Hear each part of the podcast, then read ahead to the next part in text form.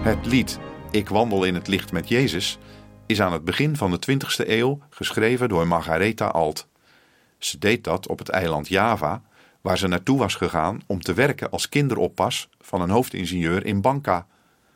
Op de dag dat ze op Java aankwam, werd ze echter meteen geveld door een hevige aanval van malaria, die haar de rest van haar leven zou achtervolgen. Het hart van Margaretha Alt, die leefde van 1883 tot 1962, lag duidelijk niet bij huishoudelijk werk, maar bij het evangelie van Jezus Christus. Ze kreeg dan ook al snel een scholing om zendeling te worden.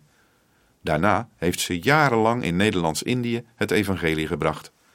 Ze deed dat veelal onder de armen, in alle eenzaamheid en op afgelegen plaatsen. In haar werk voedde ze ook 60 weeskinderen op. Die kinderen noemden haar liefdevol Moesje Alt en droegen haar op handen. Ze was van 1903 tot 1961 onafgebroken in Nederlands-Indië aan het werk en stichtte daar veel kerken.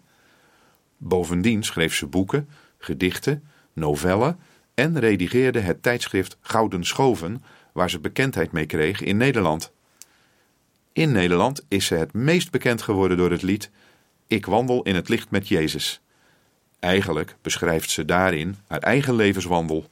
Dat blijkt duidelijk uit het eerste couplet. Ik wandel in het licht met Jezus. Het donkere dal ligt achter mij. En ik weet mij in zijn trouw geborgen.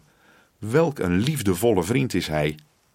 In Nederlands-Indië liet ze zien dat ze echt wandelde in het licht met Jezus en dat ze luisterde naar zijn dierbare stem. Ze schreef daar zelf over dat ze niets anders kon in een omgeving waar de boze zo merkbaar was. Luistert u naar de uitvoering van Ik wandel in het licht met Jezus door samenzang in de Sint-Joriskerk in Amersfoort.